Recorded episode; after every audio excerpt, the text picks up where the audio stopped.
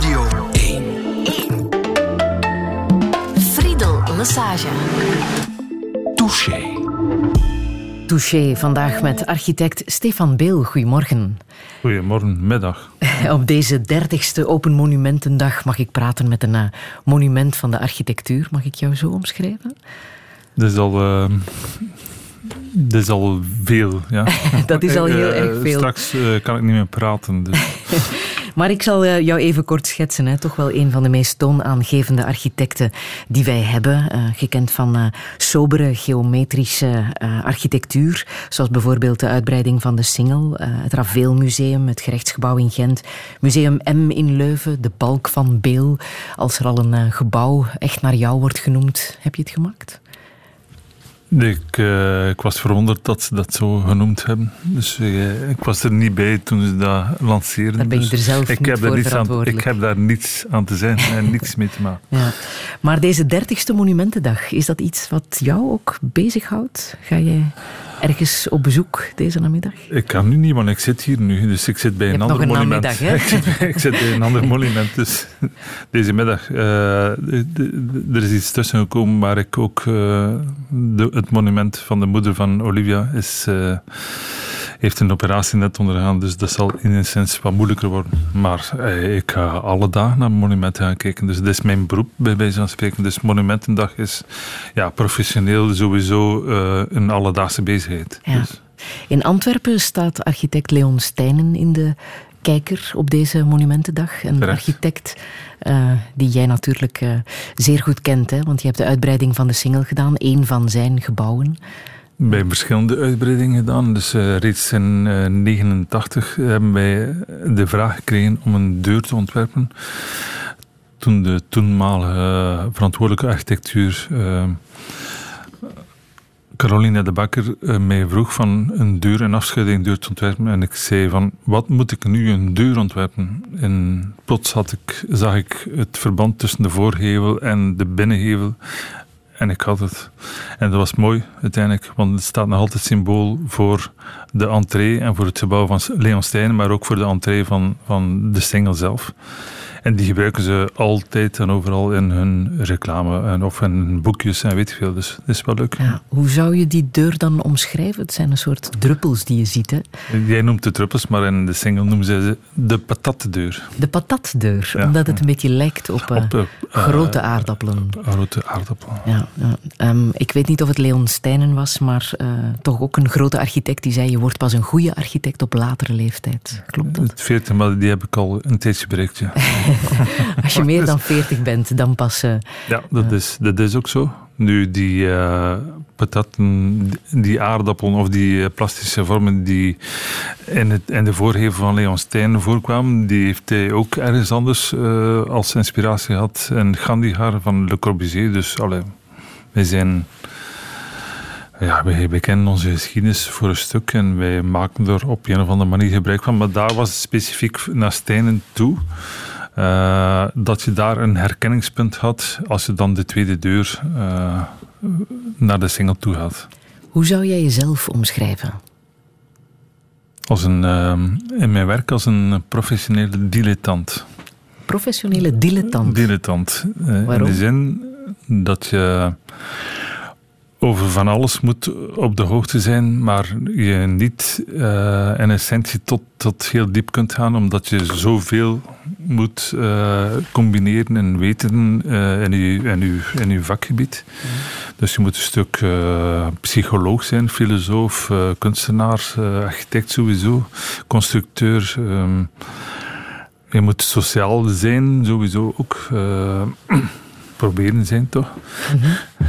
En, en nog zoveel andere dingen, dus, eh, maar wel op een professionele manier. Dus, eh, en dat, dat eh, maakt ons een, als architect, en, en ik denk niet dat ik de enige ben die er zo over denkt, een professionele dilettant. Dus, en dat is een mooi gegeven natuurlijk, omdat je al die zaken, dus je moet ook het nieuws van de dag, bij, bij wijze van spreken, enigszins weten. En je moet weten wat er in de wereld gebeurt. Die kun je gebruiken al of niet. Je moet weten wat er gebeurt op het vlak van duurzaamheid en, en zo meer. Dus al die zaken komen terecht in, in een ontwerp. Dus, en je moet blijven ontwerpen. En als je jezelf moet omschrijven als, als mens, buiten je vak om? Uh, ja, omschrijven, wat, uh, wat, wat zijn dan jouw belangrijkste eigenschappen? Uh, Hoe zie jij jezelf? Was een, een nieuwsgierig iemand. Iemand die bij. Ik heb dat ook geleerd van, van een uitspraak van mijn grootvader. Iemand die altijd te vertrouwen moet zijn. En iemand die positief in het leven staat uiteindelijk. die plezier heeft in het plezier van anderen. Wat is jouw levensmotto? Dat is het. Dat is het. Dat is het, ja. Het plezier van anderen te zien en genieten, uiteindelijk. En dat is eigenlijk, vind ik wel een mooie eigenschap voor een architect, maar ook uh, in de gewone wereld. Uh, dat je ervan geniet, niet alleen um, als je zelf geniet, maar ook als anderen uh, het plezier hebben van te genieten, uiteindelijk. Ik geniet nu al van jouw aanwezigheid. Stefan Beel, welkom in Touché.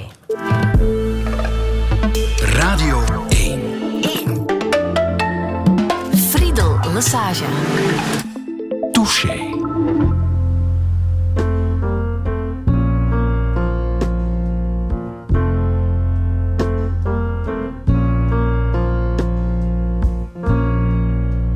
Just a perfect day. Drink sangria in the park. And then later, when it gets dark, we go home.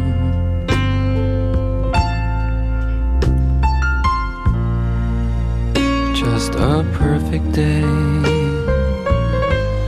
Feed animals in the zoo.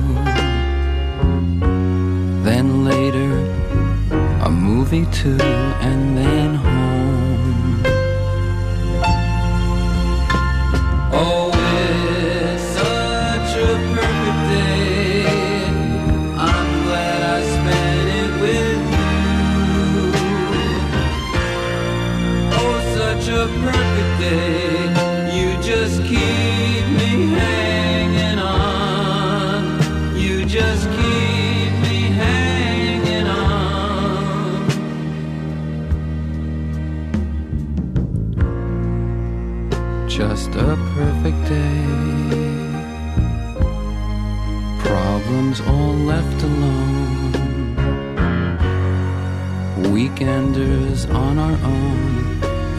such fun.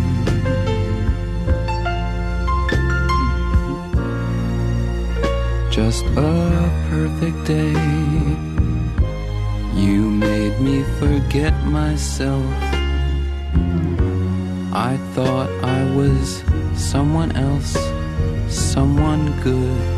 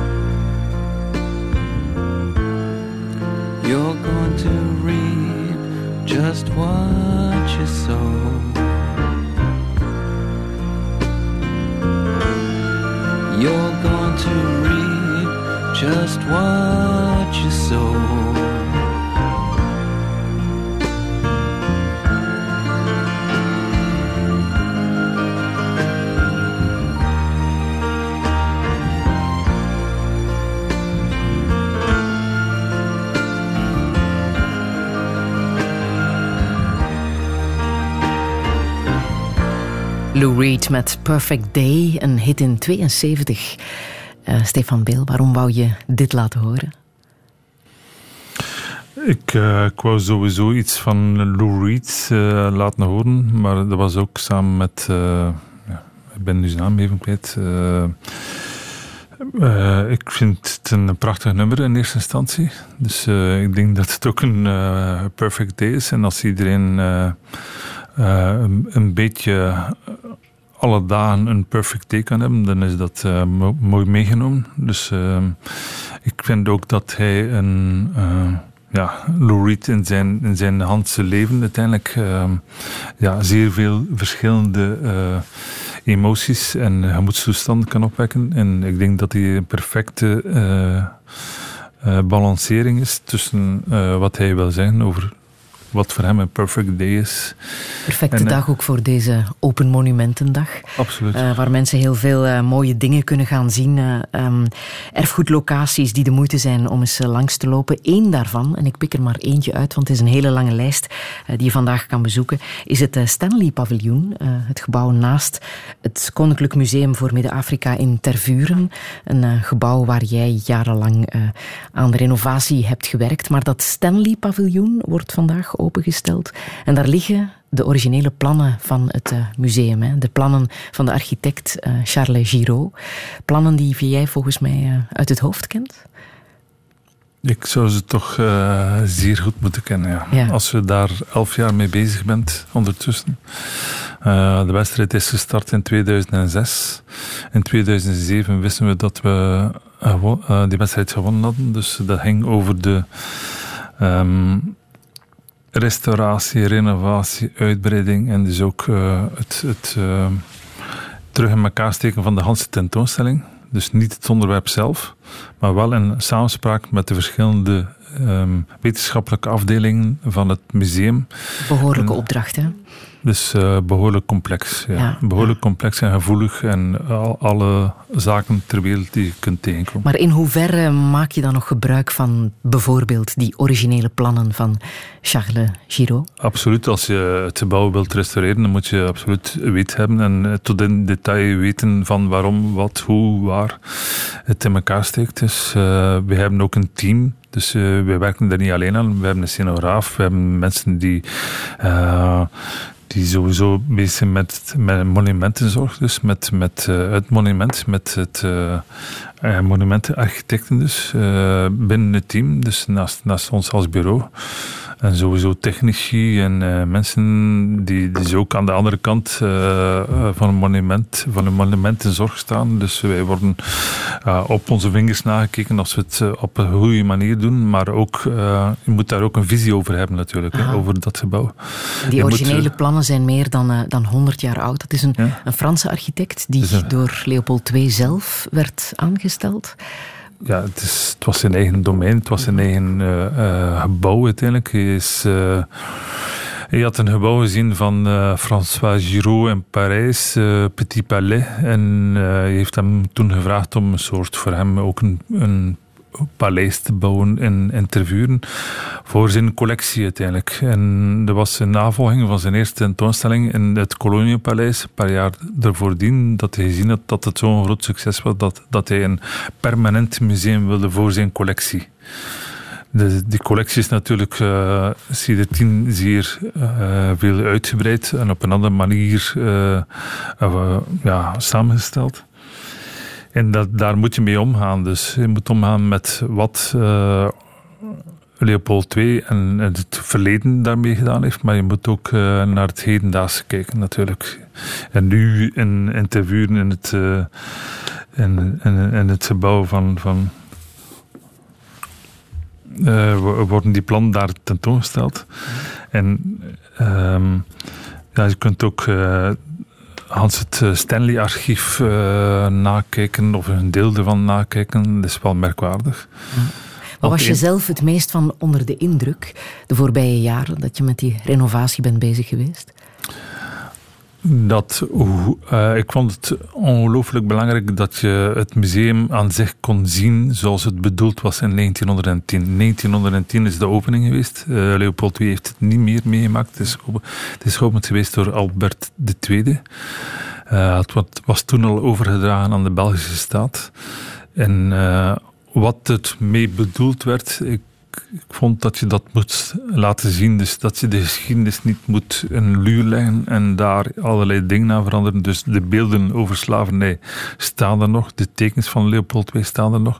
Omdat je zou zien wat het was in 1910. Welke, maar tezelfde tijd wordt er ook veel duiding gegeven en wordt daar ook uh, allerlei andere werken naar voren gebracht die, die het op zijn uh, plaats stellen. En die, mm -hmm. allee, de manier waarop dat we ermee omgegaan zijn, is, is ook heel belangrijk natuurlijk. En op welke manier zullen we nu, meer dan 100 jaar later, kijken naar dat tijdperk, hoe uh, dat museum toen werd ingevuld en aangekleed?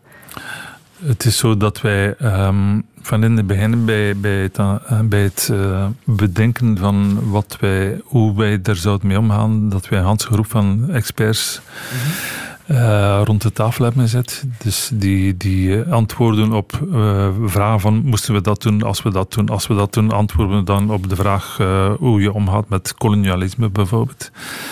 En uh, er zaten mensen bij die, die uh, even goed specialisten waren over, over, die, ja, het, uh, over het kolonialisme in het algemeen, over museumbouw en, enzovoort. Dus de manier waarop we nu binnengaan is niet via de voordeur, maar via een, een ondergrondse ruimte, een lange hang een soort Zaire, of ja, Zaire-stroom is het niet meer natuurlijk, de Congo-stroom. Ja. En, en, dat je dan in de buik van het beest terechtkomt, waar de geschiedenis van Congo en de geschiedenis van het museum uiteindelijk uit de doeken wordt gedaan. En waar je tezelfde tijd ook veel duiding krijgt. Dus je, ziet, je kunt het paleis zien zoals het gebouwd geweest is, in zijn volle glorie. Het was ook voor het, aan de wereld tonen van, van iemand die toen ja, multimiljardair was, bij wijze van spreken, als het met de huidige termen zou benoemen.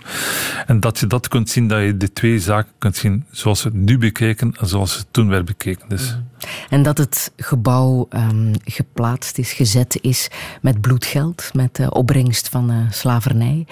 Um, raakt jou dat? Als, ja, absoluut. Uh, dus, zo, sowieso. Ja, mm -hmm. Dat is uh, zeer zeker. Het, uh, het degoteert mij nog altijd als je die beelden ziet in, in het, de grote rotonde bijvoorbeeld. de België heeft cultuur gebracht aan het zwarte volk. Ja, dat is, dat is uh, vreselijk, uiteindelijk. Ja. Uh, men gaat erin ook heel ver in, in, in het. Uh, ik, vind, ik vind dat je de geschiedenis zijn plek moet laten zijn uiteindelijk. Als je daar had aan veranderen, als we die beelden zouden verwijderd hebben, dan zou je het niet meer kunnen zien. Dus ik vind dat verontwaardiging uh, aansluit bij het bezoek van het museum. Sowieso. Dus laat het staan. En dat is de geschiedenis die je laat zien. Maar tezelfde tijd is er ook duiding bij van nu. Mm -hmm. We laten het hedendaagse Afrika ook zien. Dus. En ik vind dat belangrijk, de mentaliteit van nu. Ik zat daar straks in uh, naar hier gekomen in een taxi. En uh, wij hadden, ik zei hem dat ik de architect was, dat ik naar hier moest komen om daarover een stuk te, te spreken. En dan zei hij op het laatste, ah, uh, Belgique, c'est un petit village. Dat is fantastisch. ja, en wat bedoelde hij daarmee? Ja, dat is ook maar een klein land. Of een, is ook maar klein. Uh, dus niet als wij daar met een koloniale bril naar, naar Congo zouden kijken, ja, dan, dan zouden wij ons groot voelen omdat wij dat in handen hadden vroeger, bij wijze van spreken. Maar La Belgique, c'est un petit village. Het is een klein onderdeel van de hele wereld.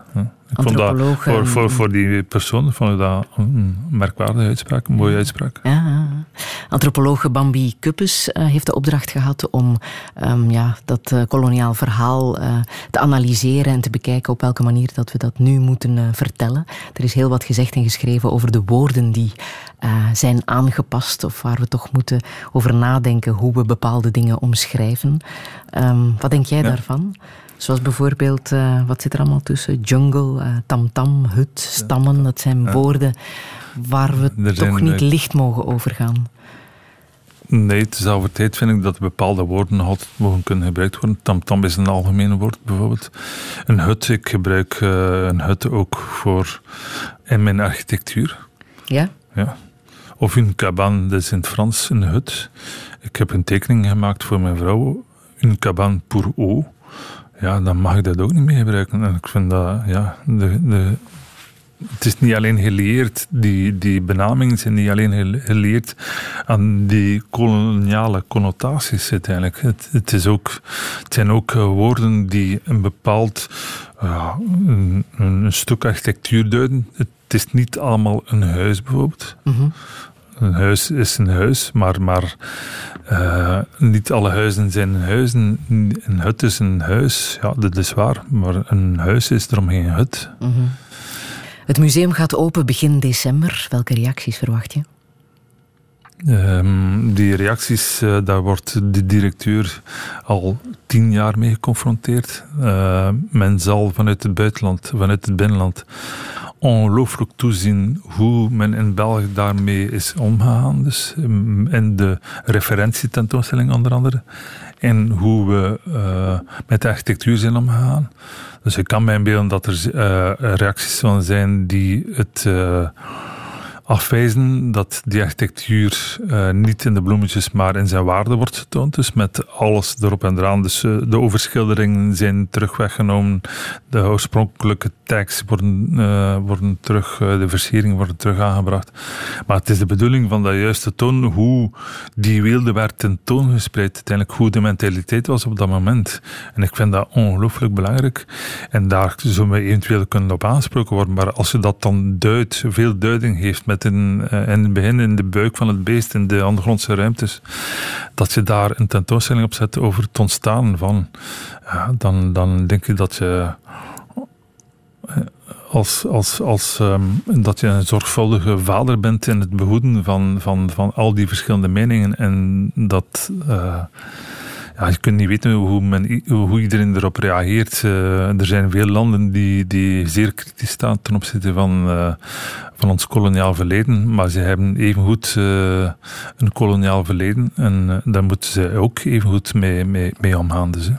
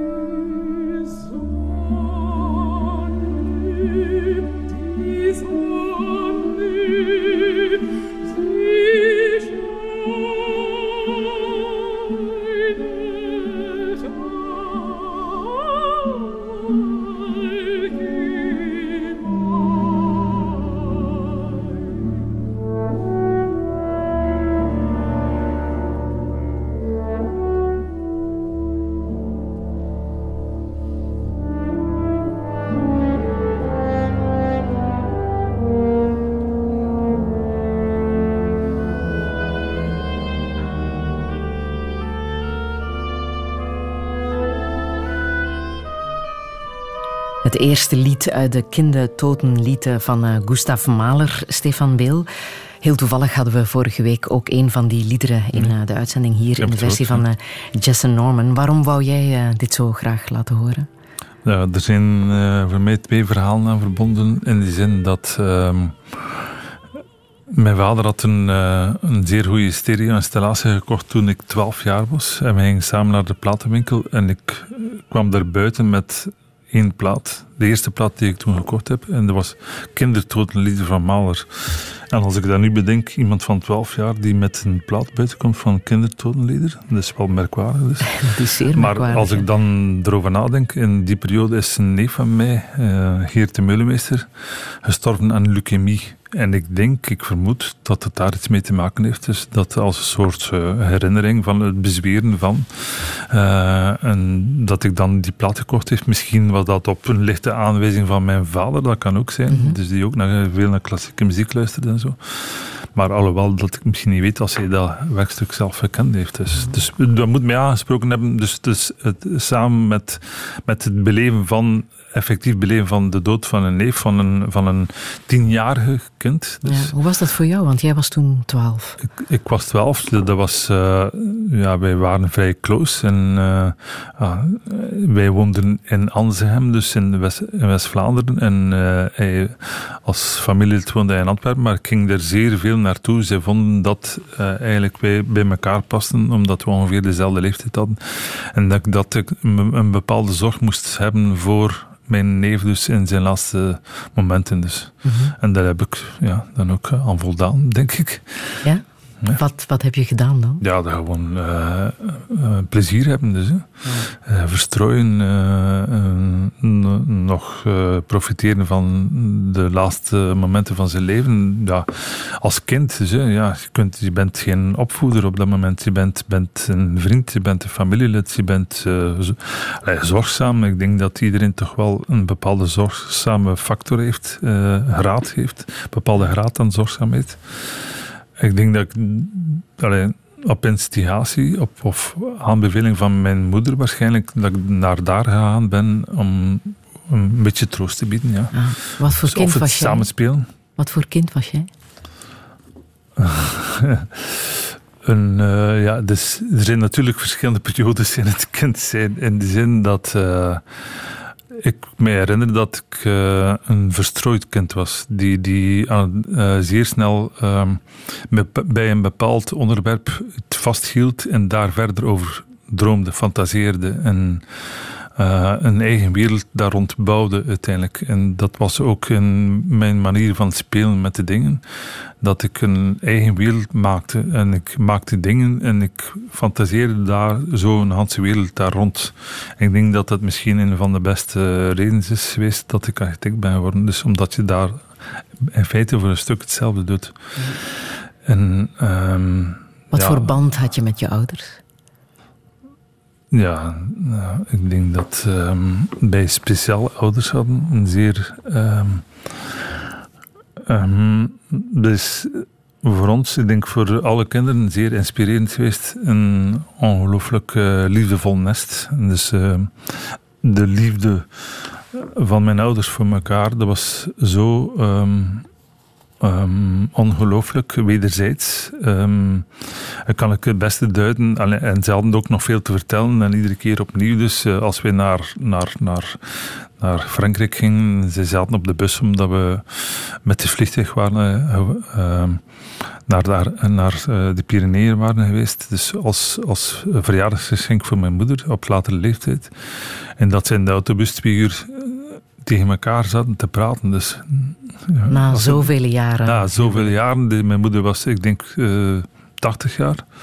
En die zaten continu te praten tegen elkaar. We hoefden er niet tegen te praten. Ze hadden voldoende gesprekstof. Waarschijnlijk over hun kinderen of weet veel wat ze zagen en weet veel. Maar die, die, dat is, uh, dat is ongelooflijk om dat te zien. Als je dan bepaalde mensen ziet op café of op restaurant, weet je veel, die niets te zeggen hebben, dan sta je versteld. En ik, ben, ik, zou, daar, ik zou zo niet kunnen leven. Dus ik, ik neem, allee, automatisch neem dat over. Dus, hè.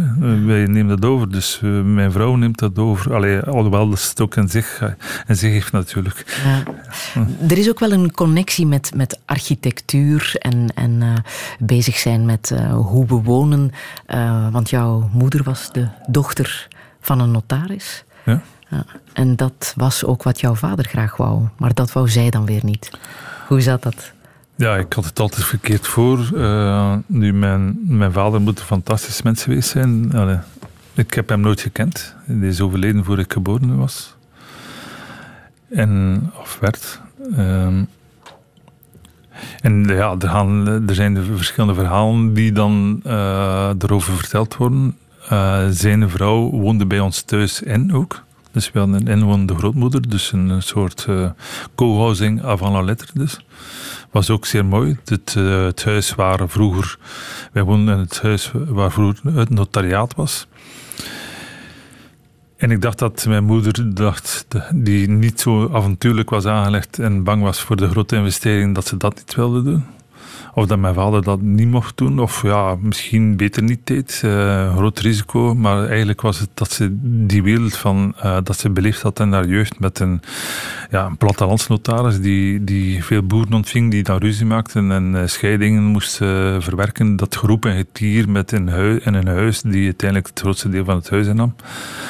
En dat was de reden waarom ze niet wou en dat, ze dat, dat jouw wou, vader dat ze dat niet wou, maar het, het merkwaardige is ja. dat je natuurlijk een huis kunt bouwen die totaal in sonor en uh, gescheiden kan zijn van die verschillende functies. Dus uh, ja, het leven gaat zo verder. Mijn vader is staatsambtenaar geworden en tezelfde tijd evengoed avonturier.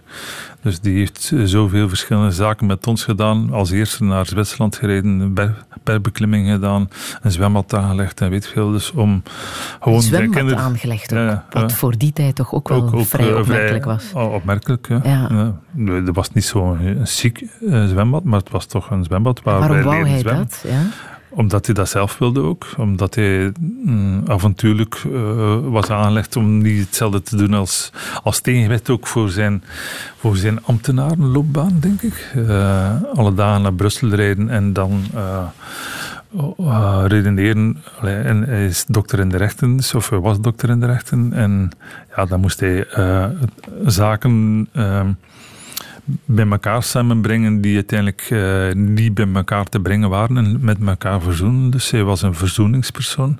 Dus uh, ook een bestuur der wegen, waar hij eerst adviseur was. Dus uh, hij moest toch wel op een bepaald niveau dus, een aantal cruciale zaken gedaan krijgen. Dus, en, ja, hij, compenseerde dat waarschijnlijk als hij s'morgens wegging naar Brussel, sprong in het zwembad en als hij thuis kwam, zijn de plastron uit en meteen ook in het zwembad. En dat was ook mooi natuurlijk.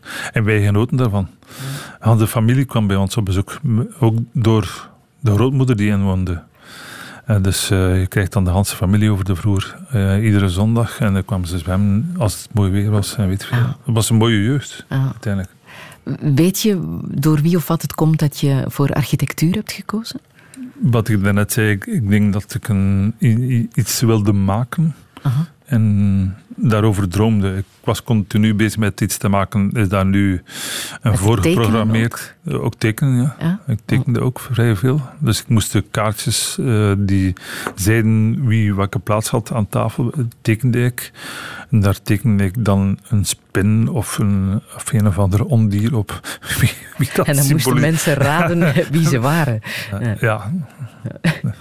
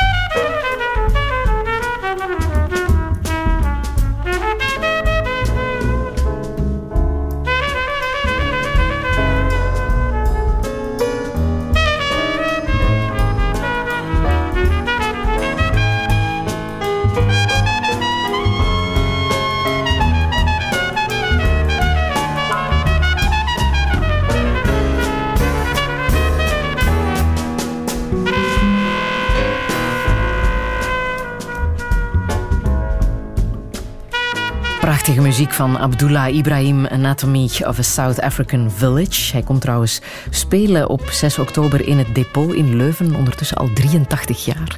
Stefan Beelma, jij hebt een uh, andere herinnering aan deze muziek, een bijzondere herinnering.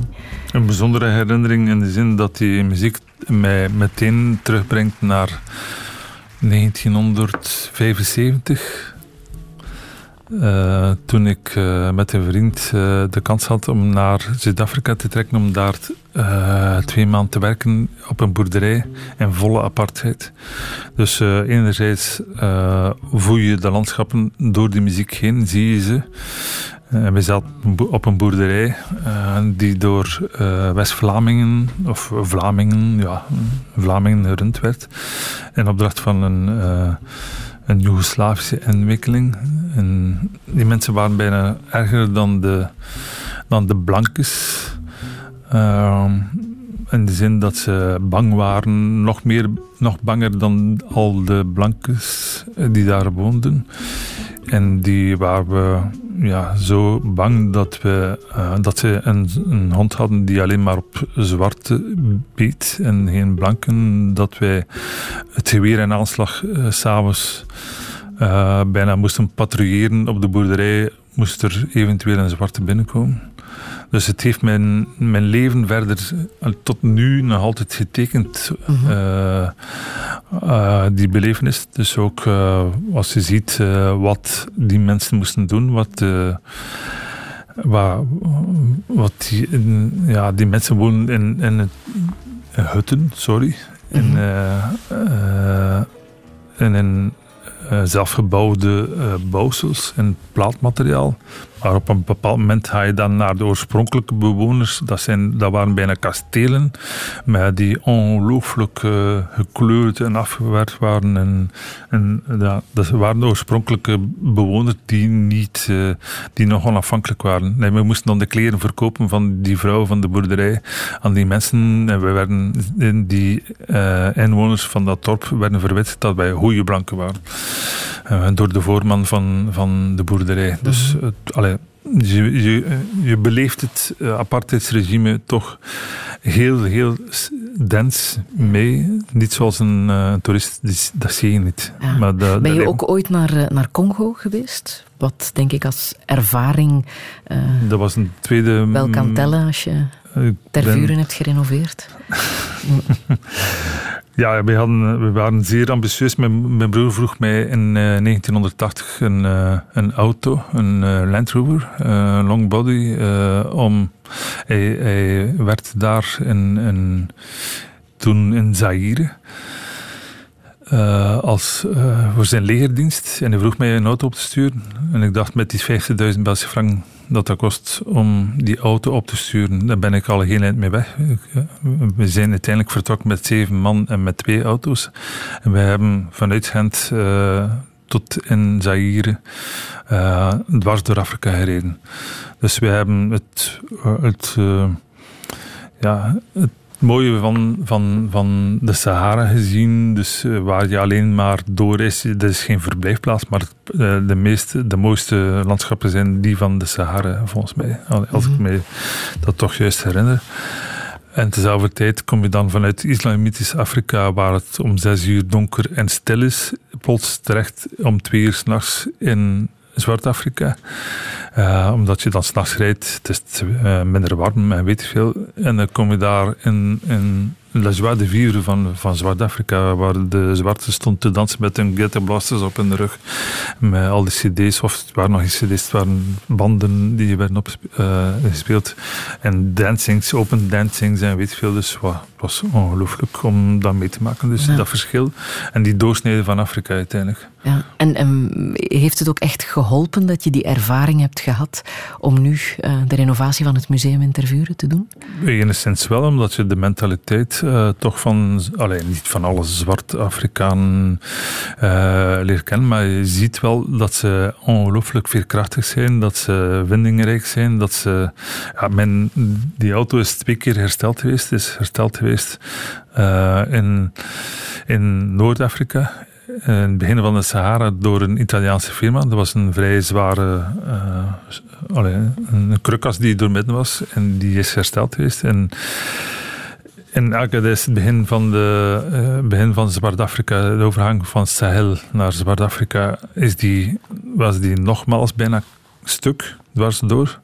En die is hersteld geweest door mensen dus door die, eh, die een garage hadden, maar daar moet je niet veel bij voorstellen. Dat was gewoon in het zand en dat je een, ja, een wagen of een, uh, een motor, die haal je niet uit elkaar in het zand, want zand is het uh, ja, meest verderfelijk uh, iets dat je in, in een motor kunt doen, maar die auto was hersteld. En mijn broer is er nog mee teruggereden. Dus, -huh. dus waar, waar een knappe uh, ja, uh, monteurs zitten. Ja, dus het, bij de ene lukte het niet en bij de andere lukte het wel. Dus, dus en er waren dan juist uh, mensen die vandaar kwamen. Dus, Wat mooi. inspireert jou het meest als jij ontwerpt? Ja, Want je schetst nog altijd met de pen. Hè? Je bent uh, geen man van computerprogramma's. Uh, de pen ligt hier trouwens ook op tafel. Uh. Ja, ik beweeg daar te veel. ja. je tekent nog altijd, hè? handmatig.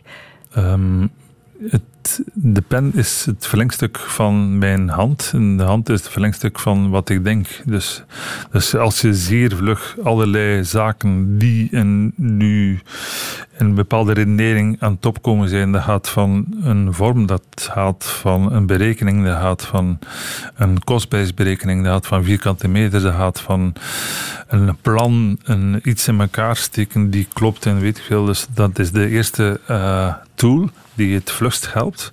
Vlugger dan een of ander computerprogramma, want uh, uw handen kunnen uw geest niet vol. Uh, de hersenen zijn de meest plastische materie die er zijn. En dus die meest plastische materie die moet zich verteld zien op een stuk papier. En dat kun je niet doen met, met, met, met de computer, toch niet voor die eerste tekeningen. En om te zien hoe het allemaal klopt. En ik heb de ervaring van door die tekening, door een plan te tekenen, dat ik het meest precies kan tekenen uh, eerder dan met de computer. Dus. Ja. Vergaderingen, daar ben je ook niet zo voor. Hè? Je gaat liever lekker uit eten met een goede fles wijn. Dan pas kom je te weten wat jouw klant wil. Uh, dat, dat gebeurt uh, meermaals. Dus ik ga graag, allee, zeker als het private bouwingen zijn, ga ik graag uh, uit eten met hen omdat tussen de lijnen dat je veel meer weten komt over wat mensen eh, willen, hoe ze hun leven organiseren, hoe ze zijn, hoe je daar kunt op antwoorden en weet veel. Dus dat geldt ook voor organisaties, maar dat is ook zo mm, uh, in het bureau. Dus ik, ga, ik vergader veel op mijn bureau zelf ook, hè. pas op. het hoeft niet altijd. Je bent niet altijd. Nee, nee, nee. nee. Ja. Maar, maar als, er moet, uh, iets, uh, als er iets moet getraceerd worden op een zeer kort moment, en ik zeg dan tegen mensen, we gaan vanavond gaan we flitsen. Dus dat wil zijn dat de gedachten over en weer moeten flitsen, dat we, met de juiste persoon samen zijn. Dan moet je zeer vlug zijn. Dan moet je, want je, moet het vasthouden en je moet het op papier zetten en je moet communiceren en dat maakt het interessant. Ik teken iets, zij tekenen iets en dat gaat over en weer. Dus dat is een van de mooiste momenten die, die je kunt hebben. Dus eigenlijk mijn moment de gloire ja, uiteindelijk. Van het gevoel te hebben, we hebben iets. En je wordt daar ongelooflijk nerveus van. Er moet wat gestudeerd worden. Dus omdat je daar op het moment bent dat je iets aan het maken bent die je denkt dat goed is. Anders kan dat misschien wel een duigen van, dan moet gecontroleerd worden en weet veel. Dus, maar op het moment zelf is het fantastisch. Wat je zegt, het kan in duigen vallen, letterlijk zelfs, als zo'n brug in Genua instort. Dat lijkt ja. me de grootste nachtmerrie van een uh, architect. Ja, maar, maar, in eerste instantie, eh, we zijn, we zijn ook maar architecten, we zijn geen constructeurs. Maar ik vind dat dat veel architecten uiteindelijk te weinig met constructie bezig zijn. Te weinig met de notie constructie, te weinig met, met techniek bezig zijn. Ze laten het over, ja, we hebben hier nu een bepaalde vorm of uh, constructie en dan gaan we een keer vragen aan onze ingenieur stabiliteit.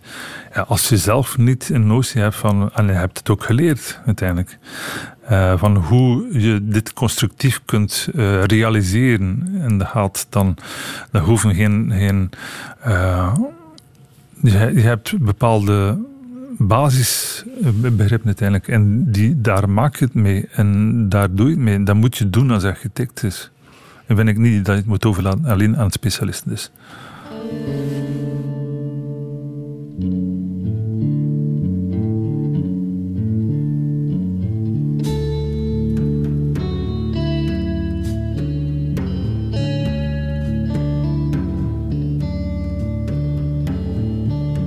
I love you. The best, better than all. The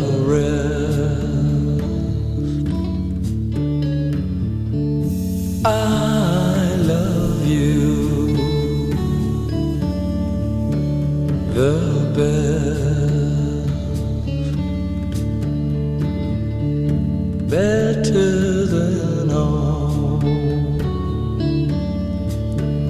the rest that I meet in the summer.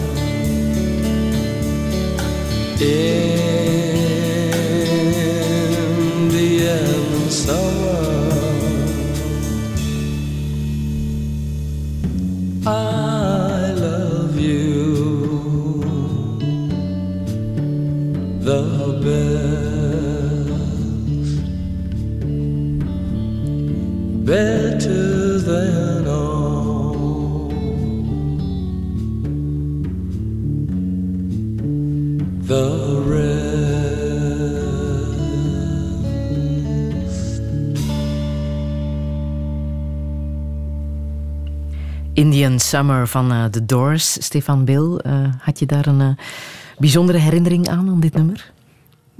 Want dit nummer alleen, het is natuurlijk wel gepast eh, om dit vandaag te spelen. Wij hebben een Indian Het is een Summer. beetje Indian Summer. Ja, ja. Fantastisch. Eh, ja, ik had iets met de Doors, zoals eh, mijn broer iets had met de Beatles of met de Rolling Stones. Dan had ik meer, was ik meer voor het rebelse van de Doors. Dat blijkt niet uit deze muziek natuurlijk. Ja, dat zijn, dat zijn ieder, iedere periode in je leven draagt een bepaald muziek mee. Ja. En dat is zo bij het ontwerpen van Villa M geweest. Dat was eh, de, vierde symfonie van Mahler. Hier is dat de Doors die, die een bepaald deel van mijn leven waren. Dus Ja.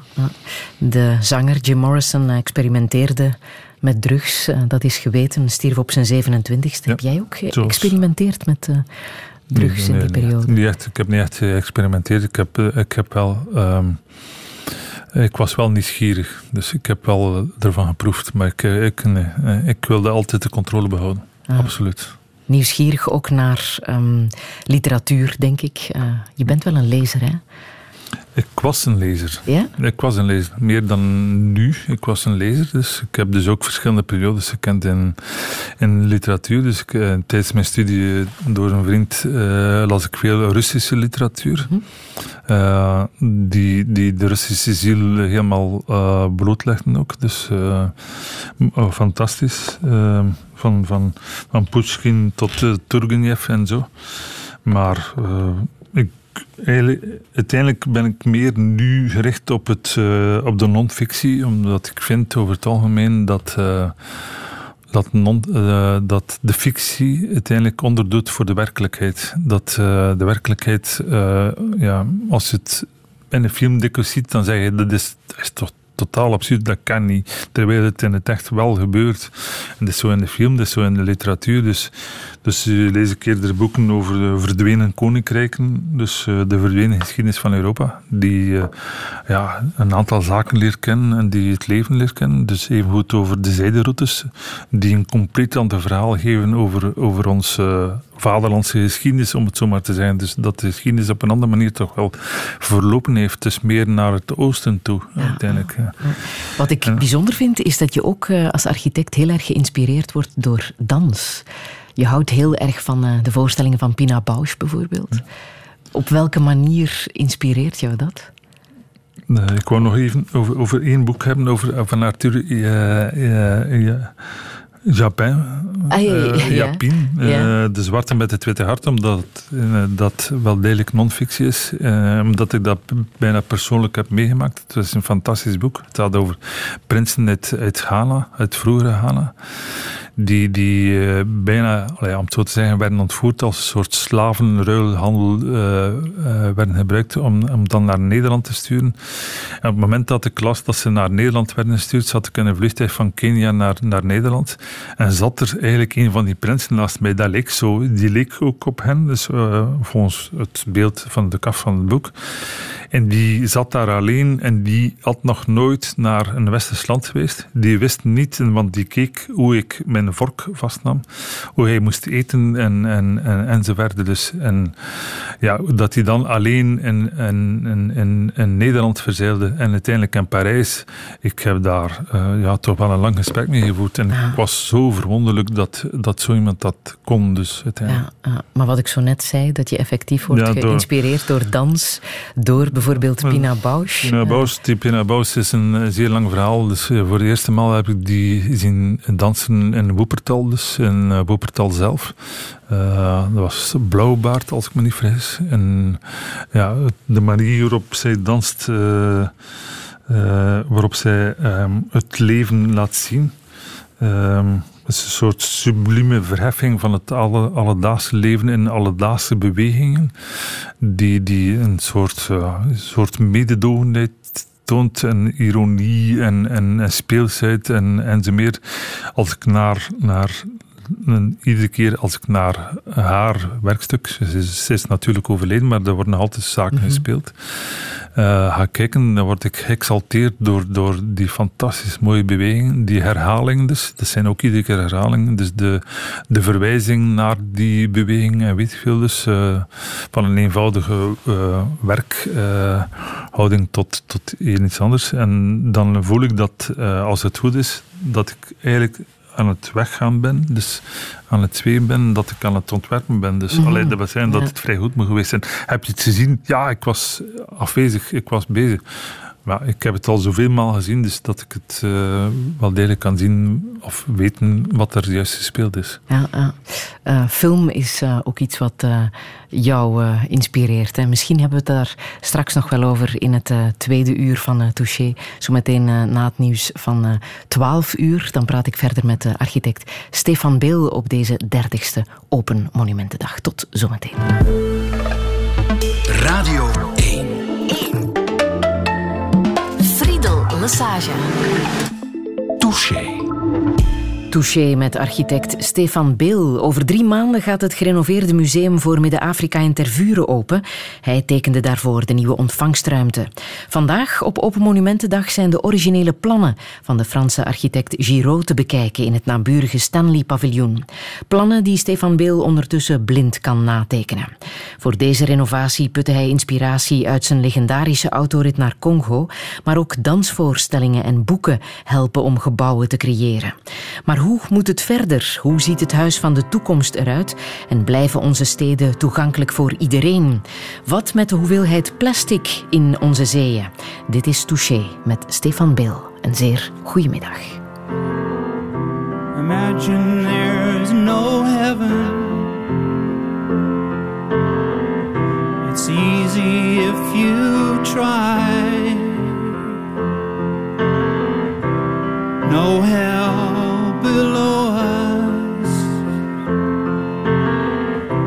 above us only sky. Imagine all the people living for today. Imagine there's no countries. It isn't hard to do. Nothing to kill or die for. No religion, too. Imagine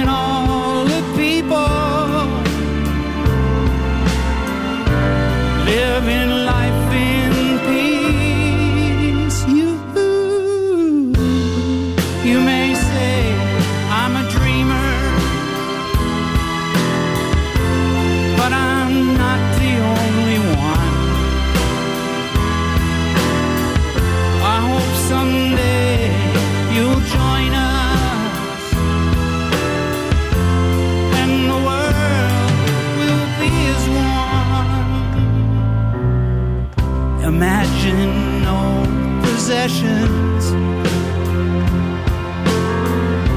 I wonder if I can.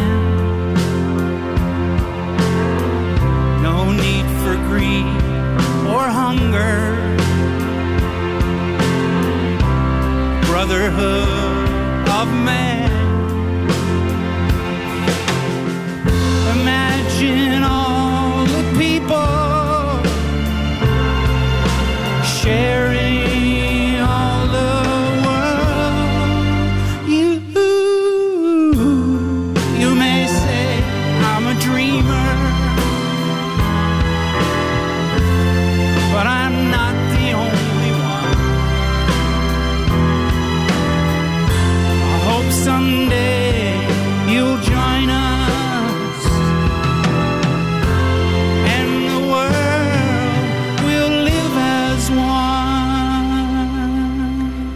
bekende Imagine, maar hier in de versie van Neil Young. Stefan Beel heb ik speciaal voor jou gedaan, omdat ik weet dat jij een Neil Young-fan bent.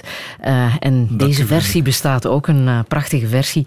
Het nummer werd ook eh, gezongen donderdagavond. Toen kwamen mensen bijeen na, naar aanleiding van de Pano-uitzending over Schild en Vrienden.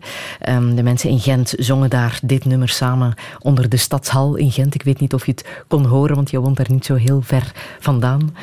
Ik heb het niet kunnen horen, maar ik zou het kunnen meezingen hebben. Ja, ja. Hartverwarmend Absoluut. om te horen dat dit zelfs mensen bijeenbrengt Absoluut. eh, Positief om te nieuws. zingen. Positief nieuws? ja. Positief nieuws. Ik vind dat er ook te weinig positief nieuws eh, kans krijgt. En dat is absoluut positief nieuws. Na, na die uitzending, dat, moet, dat moest wel natuurlijk. Ja, dat kon niet eh, zonder reactie blijven. Het is eh, wat er op, eh, tijdens die uitzending naar boven is gekomen, is, eh, is weerzinwekkend uiteindelijk. Ehm, en die mensen beseffen niet met, wat ze spelen. Ze hebben nooit, nooit een conflict meegemaakt. Ze hebben nooit in een conflictzone gezeten. Ze hebben dat nooit gedaan. Ze weten niet wat de oorlog is. Ik heb het geluk gehad, bij wijze van spreken, van een inwonende grootmoeder te hebben die uiteindelijk vertelde en mijn vader een boek over geschreven heeft over de oorlog. En dat je ziet, ja, die, die, moet je op, eh, ieder conflict moet je op alle mogelijke manieren vermijden. Dus, eh, en wat die mensen doen is uiteindelijk, ja, ik kom ook heel kwaad als mensen dat zelfs doen in mijn professioneel of ander leven. Dat mensen uiteindelijk het plezier er vinden bijna om conflicten uit te lokken en, eh, en uiteindelijk zo te- tegenover elkaar te staan. Ik vind mensen, eh, zorg dat je overeenkomt. eh, en als het niet lukt, eh, meet elkaar. Ja. Ja. Ehm, de Pano-uitzending ging over een student van 25. eh, maar jij eh, wil liever eh, het nieuwsbericht van een andere student van 24 naar boven halen, omdat dat positief nieuws is. Ja, ik vind dat het, zowel het slechte als het goede nieuws moet naar voren gebracht worden. Maar ik denk iets meer aandacht dan dat positieve zou, zou niet slecht zijn. En dat gaat over de Ocean Cleanup. Die, die, ja, die gisteren ook al in het nieuws geweest is. Ja, die zo al zat langere het eh, tijd gisteren in het nieuws. Ja, Ik wil het eh, even Ah ja, oké. laten horen. Eindelijk is het zover. Na jaren onderzoek en testen. De plasticvanger van het project de Ocean Cleanup is vanavond vertrokken in San Francisco aan de Amerikaanse westkust. Tussen Californië en Hawaii drijven miljoenen kilo's afval over een oppervlakte die drie keer zo groot als Frankrijk is. De plasticvanger wordt door een schip ter plaatse getrokken. Met het project maakt een jonge Nederlandse uitvinder zijn droom waar. Touché. Touché. De Ocean. Cleanup, wat een uitvinding zeg. Mer- merkwaardig, ja. Ja? Dus eh, om die, eh, ja, die gigantische eh, hoeveelheid plastic in de oceanen op te ruimen, dat zal natuurlijk niet alleen lukken. Dus het komt ook niet... Ja, het komt vanuit de gebergtes naar beneden eh, via stromen of via boten of weet veel. Dus. Maar het merkwaardig is dat, dat zo'n project uiteindelijk van start kan gaan nadat een 24-jarige dat, die idee had om dat op die manier te kunnen doen. Dus het moet natuurlijk nog getest worden. Men is daar nog sceptisch over in bepaalde wetenschappelijke kringen. Maar ik vind het ongelooflijk. Die jongen is 24 jaar. Hij droomt al, of hij werkt er al aan acht jaar. Dus dat wil zijn dat hij Sinds zijn 16 16, ja. Hij was 16. Dat wil zijn dat iemand die daarmee bezig is, die is een ongelooflijk iemand die, die, die probeert iets positiefs te doen voor de wereld. En ik vind dat een, een prachtige manier van doen. Ik ben bijna jaloers dat, ik dat niet gedaan heb op mijn Ja. 16e. Ja, Ben jij waakzaam over eh, plastic in jouw huis en in jouw ja leven? absoluut. Ja. Ja, absoluut ja. Geworden of ben je dat altijd geweest? Ik denk dat we dat altijd geweest zijn. Er was ook minder plastic natuurlijk, maar ja, ik denk dat wij zeer zorgzaam waren op alle mogelijke vlakken. Dat, dat zit in onze opvoeding natuurlijk. Ja? ja, is het toen al begonnen? Wel, voor alles. Dus zorgzaam voor alles, voor, eh, voor je medemens. Mijn moeder, haar gezegde was van, doe iets voor iemand anders. Doe een keer iets voor iemand anders. Allee, op zijn West-Vlaams. Doe een keer iets voor iemand anders. Eh, en dan kwam daarbij, dat ga je er goed bij voelen. En dan repliceerde ik als soort ja, 16-jarige die, die er wat tegenin ging. Dan doe je het uiteindelijk toch voor jezelf. Dus oei, dat was niet goed natuurlijk. Ja. Mijn moeder wilde conflicten vermijden en geen discussies hebben. Maar uiteindelijk versta je wel wat, wat ze Ja, bedoelde. ja, ja. Uiteindelijk doe een keer iets voor iemand anders. En ik vind dat een voorbeeld van de Ocean Cleanup vind ik een ongelooflijk eh, van Bojan Slat. eh, Ja. een- Straffe Ja. uitvinding. Ja. Want we moeten inderdaad wel zorgzaam zijn hè, als we voort willen met deze wereld en alle kleine inspanningen helpen. Ehm, dit weekend eh, werd ook eh, aangekondigd dat eh, als we beton uitbreken, daar subsidies zullen voor krijgen als we groen in de plaats brengen. Wat denk jij als je zo'n bericht hoort? Ja, dat zijn natuurlijk zeer algemene uitspraken. Dus eh, je moet beton uitbreken. Ik denk dat we nog altijd beton zullen gieten en weet veel. Dus eh eh, het is niet enkel beton, het is natuurlijk een symbool ervan. We kunnen, er zijn ook andere bouwmaterialen, evident. Eh, we kunnen daar ook mee bouwen. Ehm, maar ehm, ja, we moeten zorgvuldig omgaan met, eh, met de open ruimte sowieso. Dat hebben we lange tijd niet gedaan in België. Dus eh, Nederland woont ze dichter op elkaar en hebben ze meer open ruimte dan in België. Dus dat zegt iets natuurlijk over ons eh, stedenbouwkundig beleid. Dat, kan, dat moeten we laten veranderen. Dan moeten we dus met deze open ruimte zorgvuldig omgaan en, en dus weten wanneer dat we ergens wat bouwen. En dat we ook moeten verdichten dat we in, in bepaalde steden, stedelijke centra of zelfs kleinstedelijke centra, dat we daar iets of wat moeten verdichten, maar zonder, dat hoeft niet zonder levenskwaliteit eh, eh, te gaan of met minder, met minder levenskwaliteit. Dus eh, meer levenskwaliteit in een verdichte omgeving, dat kan. Absoluut. En dan, daarvoor moet je eh, gewoon slimme plannen maken. Dus eh, die met, allee, met zoveel meer. Dus vandaar het dilettantisme. Met alle actoren, met alle zaken kan rekening houden. Dus, dus eh, als architect kun je dat niet alleen. Je moet al de mensen meekrijgen. Je moet dus ook uw projectontwikkelaar of uw bouwers meekrijgen om dat te doen. Dus als mensen niet geïnteresseerd zijn om die investering te maken of ontwikkelaars, dan, ja, dan moet het opgelegd worden. Ja. Zie jij het huis van eh, de toekomst? Op welke manier gaan we leven in de toekomst? Ja, eh, dat is een, eh, eh, vraag die ik eh, een week geleden moest beantwoorden voor een soort internationaal forum. En eh, ja, dat we. Ik, kan, ik kan moeilijk in abstracto eh, zeggen hoe het er zal uitzien. Eh, voor, ehm, het gaat niet over vorm uiteindelijk voor mij. Uh, het, gaat, het gaat over uh, hoe je met verschillende mensen op een andere manier kunt samenleven. Dus, en meer op een gemeenschappelijke manier misschien, voor mensen die dat kunnen, die dat willen. En uh, ja, je kunt niet helemaal opleggen aan mensen hoe ze moeten wonen uiteindelijk. Maar de architectuur zal, zal, zal meer naar het gemeenschappelijke gaan en dat men zich dan terugtrekt in, in een, een in een eigen zone, uh, ja, volume, uh, die, die in een gemeenschappelijk... Maar dat gebeurt bijna nu al zo. En wij deden het vroeger ook al zo. En woonden grootmoeders zoals bij mij, die zijn er vroeger ook geweest. Dus, mm -hmm.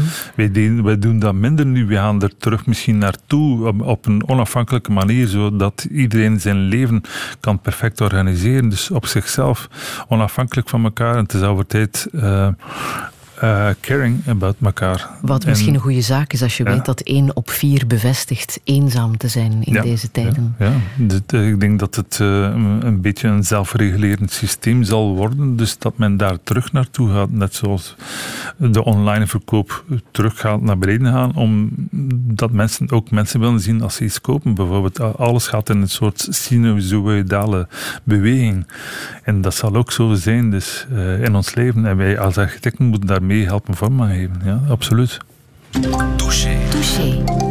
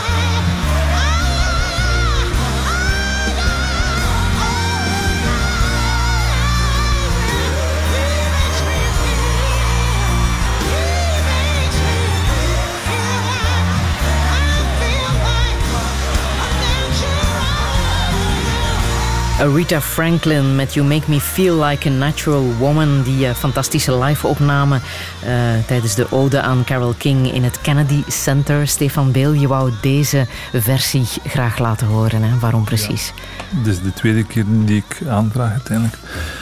Uh, omdat zij, als je natuurlijk ook niet alleen de muziek beluistert, maar ook de beelden hebt gezien, dan is dat ongelooflijk aandoenlijk. Ah. Die, vrouw, die vrouw die daar staat, Aretha Franklin, een madame die daar staat, in haar eh, pels en frak, ja. Aan de piano, aan, de piano. En ja. dan dat uitdoet. En eigenlijk, she doesn't care about hoe dat ze er dan uit ging zien en weet ik veel. Dus zo'n presence. En uiteindelijk daar dan een, een ja, toenmalige president tot traan toe bewogen natuurlijk. Ja. Obama, ja.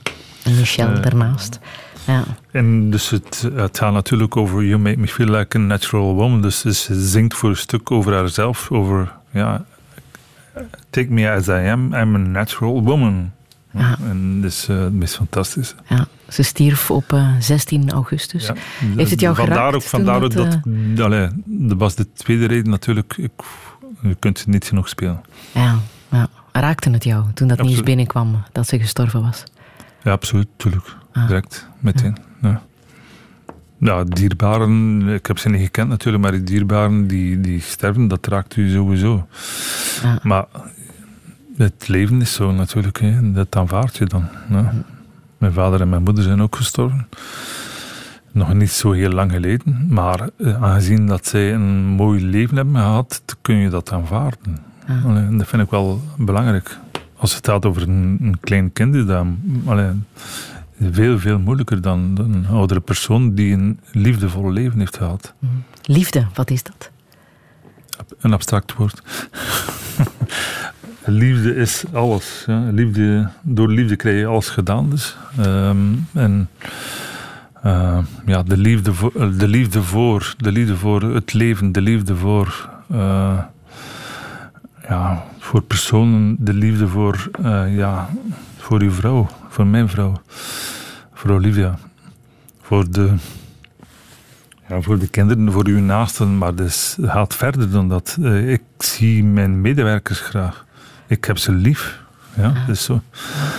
Ehm, Jouw liefde, Olivia, komt heel even aan het woord in eh, een documentaire die over jou is gemaakt Ja. in eh, Goudvis. Ja, Ze zegt daar één zinnetje en eh, dat wil ik even laten horen. Dat ene korte zinnetje.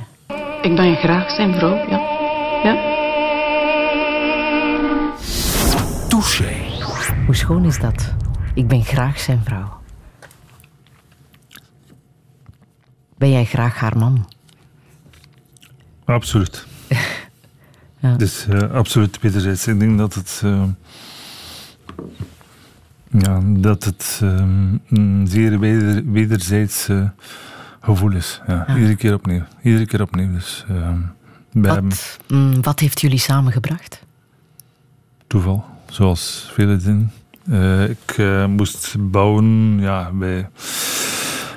Ik, ik was gevraagd om, om, om, iets, om een buitenhuis te ontwerpen voor, voor hen. Voor, eh, en ja, van het ene is het andere gekomen. Dus ik was toen, ja, ik had toen ontzettend veel pijn. Ze is kinesiste. En we kwamen die avond samen. We zagen elkaar voor de eerste keer dus. Ik kwam van de single van mijn tentoonstelling, waarbij een aantal eh, jonge architecten, waaronder David van Severen, Kersten Heers en een aantal andere mensen, een, tekening maakten van 90 meter lang. En ik gaf aanwijzing te geven op mijn rug, op de helling van de single, omdat ik gigantische pijn had. Ik woog eh 30 kilo minder als nu. En ja, Olivia had daar gezien dat ik eh, last had. Dus het was niet moeilijk om, allee, ja, het was niet moeilijk om dat te zien, maar, maar dan doe je daar niks mee, of dan doe je er wel eens mee. Ze heeft gezegd van, ik kan u genezen. Ja, dat is zo gebeurd. Zij Eh, heeft jou genezen. Ze heeft mij genezen. Ze heeft mij verlost van mijn gigantische pijn. Ik nam de zwaarste pijnstillers en ik ging... eh, ik ben overal naartoe geweest, naar iedere dokter, weet ik veel. Dus die zei, ja, maar dit is een spier die vast zit. Ik ga, ik ga die eruit masseren. Dat heeft een, ja, een paar sessies geduurd en dat was gedaan. Dus. Ongelooflijk. Ik, ik liep daar twee jaar mee rond. Dan zie je... Voor, voor mij was die pijn, pijn is onverdraaglijk. Dus hè. pijn, eh, dan, dan stop je ermee. Dus op een bepaald moment, dat is zo. En voor mij heeft ze dus mijn leven opnieuw zin gegeven, uiteindelijk. Ja. Daardoor. Heb je ooit gedacht eh, aan stoppen? Nee, maar ik, eh, ik was aan het afscheid nemen voor een stuk wel, ja. Ja. Ik had al een mooi leven gehad, vond ik. Ik was al gezegend geweest, maar ja. Nu nog zoveel meer. Aan het afscheid nemen van De wereld. alles. Ook Ja, leven. maar niet, niet letterlijk. Ik ging geen, geen zelfmoord plegen of zo. Maar ja, als er die pijn zou voortduren, dan ging ik proberen niet van afscheid te nemen, maar van daar. Ja, van. Ja, ik, eh, ik heb een ziekte die, die, al, die ik al 30 jaar heb. Ik heb daar op een zeer positieve manier. Ik ga er op een zeer positieve manier mee om. Dus ik ben een, een gezegende toestand uiteindelijk. Ik Ja. ga uiteindelijk omgekeerd om dan, dan, wa- eh, dan de manier waarop je er zou moeten mee omgaan. Op Want de een ziekte die je hebt is eh, MS. MS. Ja. Dus toen ik 30 was, eh, vastgesteld geweest. En hoe ben je dat te weten gekomen? Wat waren de eerste tekenen? Ik, eh, was, ik deed zeer veel aan sport. Dus onder andere door het zwembad en weet ik veel. Ik ging 10 kilometer gaan lopen, dus eh, om de twee dagen. En op een bepaald moment kon ik 7 kilometer lopen, of 4 kilometer lopen, en ik viel gewoon. Ik strompelde en ik strompelde de trap op. En op, die, op dat moment ben ik, heb ik mij laten onderzoeken. Hebben ze alles gedaan, dus MRI, eh, eh, scans, eh, puncties, weet ik veel. Dus. Hoe kwam dat aan bij jou? Te horen dat je MS had? Ja, e- eerst natuurlijk is dat een, een atoombom. Een bom op uw, op uw leven, dus dan moet je je leven anders organiseren. Eh, en je hoofd anders organiseren. Tot ik op een bepaald moment dat zodanig had aanvaard dat ik wist, ik ga in een rolstoel eindigen. Geef mij maar die rolstoel zo rap mogelijk. Dus geef hem mij nu, nu, nu. Ik verlang naar die rolstoel. Dan ben ik beland waar ik moest aanbelanden. En dat was een soort aanvaarding, maar ik ben er, ben er nooit aanbeland. Eh, dat moet nog komen voor mijn eh, oude leven misschien, maar eh, het was een manier van, van om ermee om te gaan natuurlijk. Hè. Mhm. Maar ik, ik draai de zaken om, dus eh, van, van het negatieve iets positiefs maken. Dat is ook een soort motto voor mij. In de zin dat ik door die ziekte uiteindelijk, dat ik ook een ander mens geworden ben voor een stuk. In de zin dat ik een mededogen heb, dat ik uiteindelijk eh, nooit kan verdragen dat er iemand anders negatieve stress aandoet. Ik, ik ik kan daar niet mee overweg. Ik kan daar niet mee overweg. Is dat nu een klant of is dat nu een, eh, is dat nu een medewerker of weet ik veel? Ik meet die mensen uiteindelijk. Eh, mensen die andere mensen, bij wijze van spreken, de duvel en de, en de stress aandoen die de grootste ziektemaker is uiteindelijk. Ja. Dus dat wil trouwens niet zeggen dat mensen niet mogen veeleisend zijn, daar gaat het hem niet over, maar eh, speciaal zo ingesteld zijn dat iemand anders het negatieve aandoet, dat doe je niet. En ik krijg nu de omgekeerde ervaring, dus eh, door met Olivia te zijn uiteindelijk continu. Maar Continu. als je daarnet zegt, ehm, ik verlangde naar dat moment dat ik in een eh, rolstoel zat. Eh, ehm, ken jij mensen in een rolstoel? Ja, ik Ja. heb, en dat was zeer, zeer verrijkend. Ik, er is een Portugees-Duitse vrouw die een, een thesis schrijft, een doctoraatsthesis in, aan de KU Leuven. Ze is eh ingenieurarchitecte al. En die nu een doctoraatsthesis schrijft over how disabled eh, architects design. Dus niet hoe eh, architecten voor disabled design, maar hoe een zogenaamde disabled architect design. Ja. Dus hoe iemand die bewust is van een bepaalde beperking kan ontwerpen voor disabled people. Zij zelf zit in een rolstoel. En ik heb met daar een ongelooflijk eh, fantastisch gesprek gehad. Dus, en eh, een van de conclusies was, eh, als je een, een publiek gebouw tekent, of weet ik veel, als je daar de plaats voor hebt, eigenlijk zou de geprivilegeerde route de route moeten zijn voor minder validen, eerder dan omgekeerd. Moet daar sowieso een verschil tussen bestaan? Eh, Moet niet elk gebouw voor ja, sowieso. Het is, het is, het is, toegankelijk zijn? allee, ieder gebouw moet sowieso compleet toegankelijk zijn. Eh, dat is sowieso. Maar je kunt het op zoveel verschillende manieren doen dat de secundaire route uiteindelijk die is voor de minder validen en dat de primaire route die is voor ja, eh, validen. Dus. Als En, daar al eh, een verschil zou moeten tussen bestaan, zou je kunnen Ja, op een of andere manier wel, maar je moet hoogtes overbruggen en weet veel. In een stad eh, zoals Brussel kun je niet als minder valide daardoor. De, je beste ver- eh, vervoermiddel is de auto uiteindelijk. Eh, je bent onafhankelijk. Die vrouw reed ook in de auto. Hoe dat ze haar rolstoel in de auto eh katapulteerde, bij wijze van spreken, dat was merkwaardig. Eh, Ja, eh, het was mooi om te zien. daar heb Maar je naar gekeken. Ja, daar heb ik speciaal naar gekeken hoe dat ze dat deed. Maar ik vond het, eh, ik, ik wil erop doorgaan over het feit van dat je daar, eh, omdat meestal die, die routes die je dan ontwerpt voor, voor minder validen, het meest eh, ruimtelijke zijn, interessant, interessant zijn. Het is niet door in een lift met de lift mee te gaan, dat je daar verbindingen legt tussen de verschillende zones van een gebouw, tussen de verschillende verdiepingen van een gebouw. Maar door misschien een route, als dat mogelijk is, als daar plaats voor is, als daar geld voor is, en weet veel, een andere route te nemen.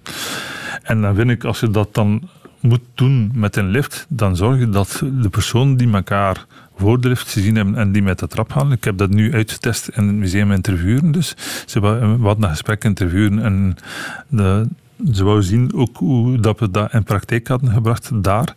En ik ging met de trap en zij ging met de lift. En ik zeg, we zien elkaar. Wie gaat er eerst zijn, bijvoorbeeld?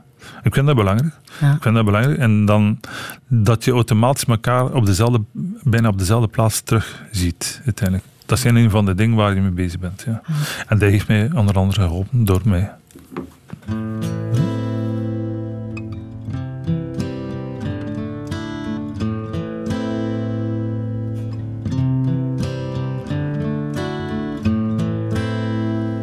I hurt myself today to see if I still feel. I focus on the pain, the only thing that's real. The needle tears a hole the old familiar sting. Try to kill it all away, but I remember everything. What have I become? My sweetest friend everyone I know goes away in the end. And you could have it all.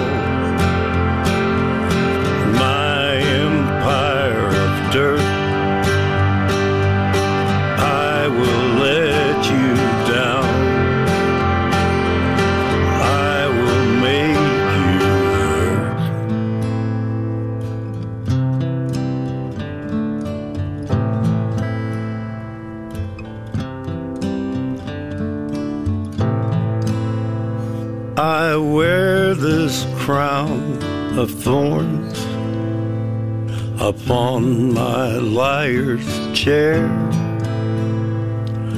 full of broken thoughts I cannot repair. Beneath the stains of time, the feelings disappear. You are someone else. I am still right here. What have I become? My sweetest friend. Everyone I know goes away in. And you could have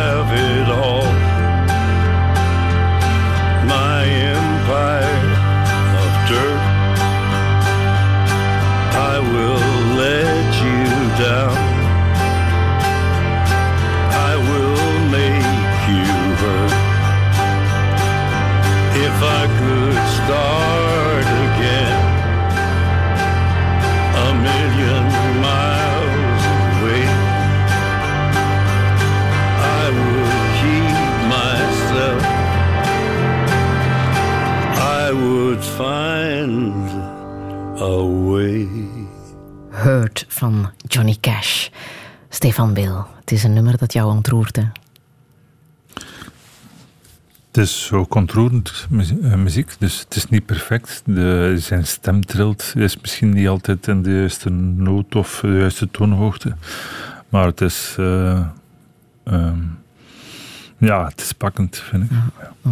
We hebben geen perfectie nodig om eh, Nee, geraakt te worden. Misschien Nee, nee, net niet. Eh, ook in het ontwerpen, eh, in het ontwerpen beseffen we ook dat imperfectie soms interessanter is dan Mhm. perfectie. En dus dat er een haak mag zijn aan een bepaald gebouw, dat is zo. Ah, waarin geloof jij? Ik denk dat, we hier al, dat we hier al drie kwart, een uur en drie kwartier over bezig zijn, bijna. Eh, in het mededogen en in de liefde voor anderen uiteindelijk. En het plezier eh, om anderen bezig te zien uiteindelijk. Ja. En te, te zien uiteindelijk dat, dat eh, zelfs jonge mensen uiteindelijk ehm, ja, zeer opbouwend iets betekenen voor de wereld. Hoe zit het met jouw Niet voor, hun, niet, voor hun, niet voor hunzelf dus, hè, maar, maar ja, dat kan niet anders dan belangeloos zijn. Dus Hoe misschien zit het hebben met ze jouw een drive. kinderen? Wat, wat is er van jouw kinderen geworden? Ja, mijn kinderen doen de dingen die ze, denk ik, wel leuk vinden. Ja. Eh, ah, dus dan natuurlijk eh, een dochter die studeert, eh, heeft uh, ingenieurarchitect gestudeerd. Ze werkt in een bureau nu. Zij, zij ehm, ik denk dat ze er goed in voelt. Eh, Luca ontwerpt is met zoveel verschillende zaken bezig. Eh, eh, junior, die zit nu in Miami. Het ontwikkelen van, van zonne, niet zonnepanelen, maar zonnepanelenparken dus, vierkante kilometer dus, een bedrijf van zijn vader. Ik vind dat fantastisch. En dan heb je Fransie die les geeft. En, eh, dat is ook zijn roeping, blijkbaar. Mhm. En hij doet dat goed. Ze doen dat allemaal goed. Uh, Luca krijgt prijzen voor haar ontwerpen. Ze is fotografe. Ze maakt de prachtigste foto's. Ze hebben allemaal een oog. Uh, ongelooflijk. Een oog om dingen te zien, om andere dingen te zien dan andere mensen. En dat is merkwaardig. Dus, ja. Ze zien andere dingen. Dus, ja? Uh, ja? ja. Eigenlijk ben verrast uh, van te zien hoe ze zien.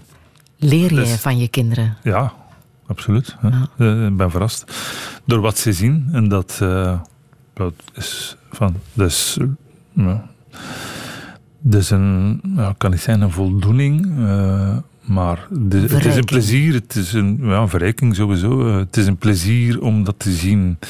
En dat geeft mij la joie de vivre uiteindelijk. Hè. Dus ik, ik, heb dat, ik heb dat samen met hen, ik heb dat samen met, met Olivia, ik heb dat samen met, met een hoop mensen, met mijn medewerkers. Een soort, ik wil dat uitstralen, la joie de vivre. Ja. Zelfs al zit je misschien... Uh, Allee, het niet helemaal, klopt het niet helemaal altijd, maar uh, er komt er wel altijd mee door en uh, iedere keer opnieuw. Dus. Hoe belangrijk is vriendschap voor jou? Ik denk dat dat een van de belangrijkste zaken is, net zoals de liefde. Dus. Uh, voor mij zit dat op, op, op hetzelfde stramien, dus onvoorwaardelijk. en als dat niet lukt, ja, dan, dan breekt het. Dus, ja, dan, dan is het ook zo dat, dat, dat ik er afstand van neem. Ja. Ja? Ja, absoluut. Dat kan je ook, ja. afstand nemen. Ja. Moet wel. Ah. Moet wel, anders zou je er mee bezig en verstoor je andere vriendschappen. En is dat de negatieve spiraal die jij wil vermijden in jouw, absoluut. in jouw leven? Ja, ja. Ah. Geen, geen, um, dat heb ik dus ook geleerd door mijn ziekte, de zaken dus op een positieve manier benaderen. Uh, ik denk, moest ik dat niet gehad hebben, die ziekte, oh, dan zou ik misschien een oen geweest zijn, een pretentieuze, allez, sorry, klootzak, die, die, die, die door een bepaald succes het, het zot in zijn kop gekregen heeft, zoals ze zeggen. Mhm. Mm -hmm. En dat helpt mij van, van, van op de grond te staan en tezelfde tijd eigenlijk uh, iedere keer extaltisch en, en, En verheugd te zijn door, door de verrassingen die je ziet rondom je gebeuren. En dat je zelf dat ook kunt meemaken en zelf mee de instigator van bepaalde dingen bent. Ja, Ja. Dat is fantastisch, ja. Ben je bang voor de dood? Ehm, dat is eigenlijk altijd moeilijk natuurlijk als je daar ver vanaf staat. Eh, om dat te zijn. Ik, ik weet dat het komt. Ik, heb, ik was erbij toen mijn vader overleed. Ik was erbij toen mijn moeder overleed. Ehm, ze waren twee gelukkige zielen. Dus ik denk dat je er vrede moet mee nemen. Dus, maar ik zou graag nog een beetje wachten. Ja. Wacht nog maar een beetje, dat lijkt mij een zeer goed plan.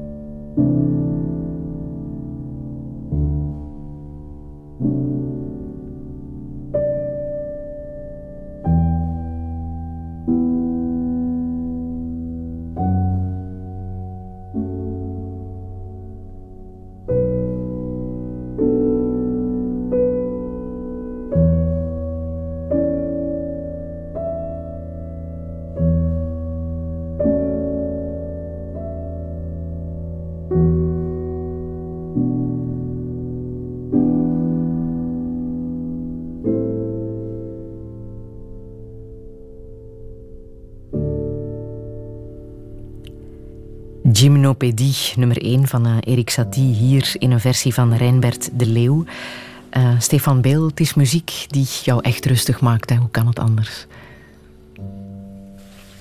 Dus muziek die je inderdaad oplegt eh, op zo'n momenten. Ehm, ik vind die muziek ook interessant op verschillende andere manieren natuurlijk. zowel persoonlijk als, als in de kunstgeschiedenis. Die muziek is gemaakt door Erik Satie. En die zat in de Dada-beweging in Parijs. En dat is een beweging die mij uitermate geïnteresseerd heeft. eh, bij- tijdens mijn studies, de Dada, dus eh, met, met enkele hoogtepunten natuurlijk. En ja, dan, eh, dan loopt dat mee, dan, dan onderzoek je dat, dan hoor je stukken van Satie en dan zie je dat dat, eh, dat lijkt heel eenvoudig te zijn, maar dat blijkt een gigantisch moeilijke vingerzetting te zijn. Ik had graag piano gespeeld, dus ik ben er nooit in geslaagd. Eh, ik kan zelfs geen gitaar stemmen terwijl ik gitaar speelde.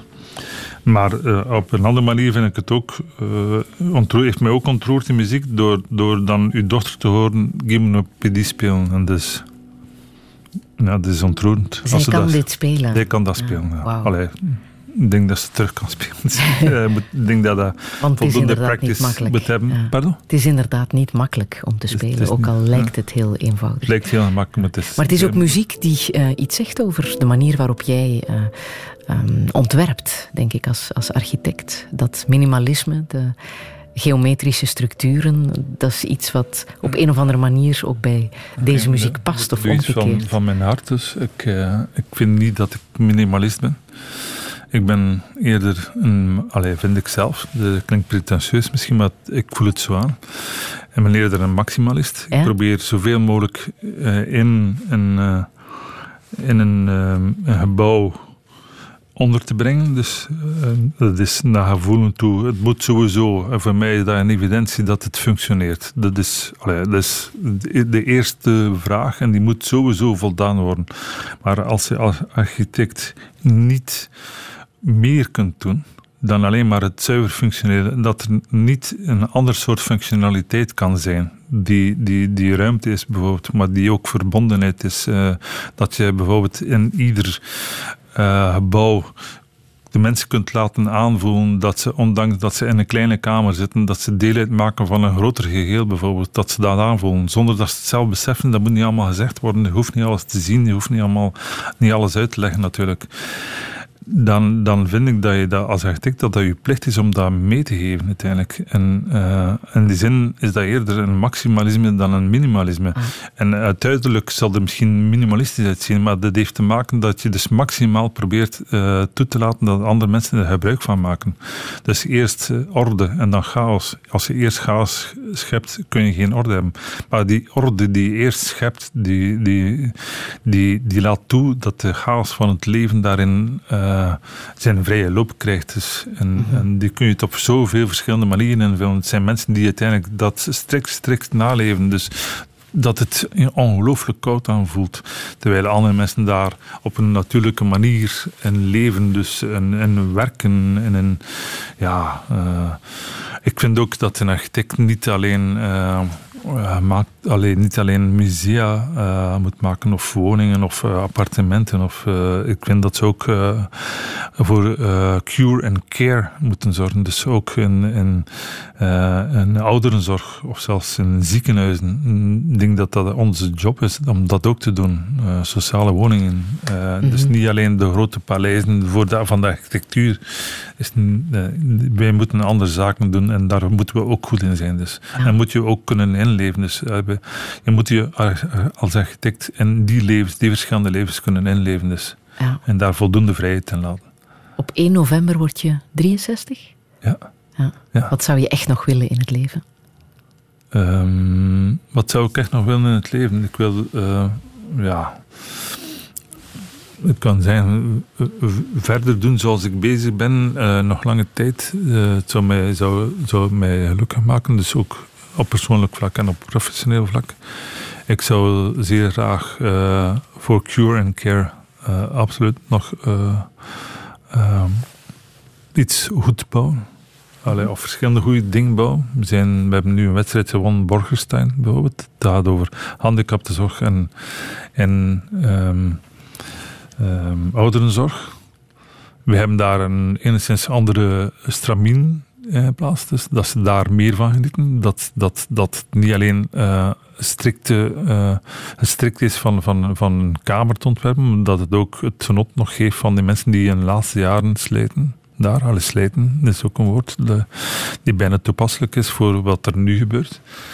Dat ze daar, dat kunnen beleven en dat je daar ook ja, ehm, er- daarvan kunnen genieten. Dat ze ook mensen kunnen ontvangen, dat, dat daar die mogelijkheid in bestaat. Zelfs in uw ziekbed bijna. Ehm, en dat het ook boodschap? verbondenheid. Welke boodschap wil je tenslotte nog meegeven in deze touché? Dat is, dat is een moeilijke dus. Hè. Ehm, doe wel en zie niet om. Ja. Dat is een, een zeer oude natuurlijk. Ehm, ja, ik, ik, ik vind dat, dat het verhaal van die 24-jarige, dat het al een zeer mooie boodschap is, die ik eigenlijk niet beter kan, dan, kan doen dan, dan hemzelf. Ik geef het liever eh, aan hem door dan het zelf nu te zeggen uiteindelijk. Wat, wat, welke boodschap, die boodschap uiteindelijk. Als ze allemaal proberen de wereld een allemaal- beetje dat te dat- verbeteren. dat probeer, probeer. Het, het lukt blijkbaar. Het Ja, lukt ja. blijkbaar. En laat je nog eens goed gaan op Santana. Zou dat Ja. ook een eh, boodschap kunnen zijn voor... eh, Dus dat, dat kan, hè, dat mag. Hè. Dus eh, ja, Santana uit Woodstock. Ja. Ja. Het is niet dat ik zo een, hippie was of zo, maar ik vond het wel ongelooflijk dat in die tijd eh, zoiets kon georganiseerd worden. Met zoveel mensen en zoveel jaar nog altijd actueel is bijna. Ja. Ik vind dat mooi. En eh, Santana is ongelooflijk positief.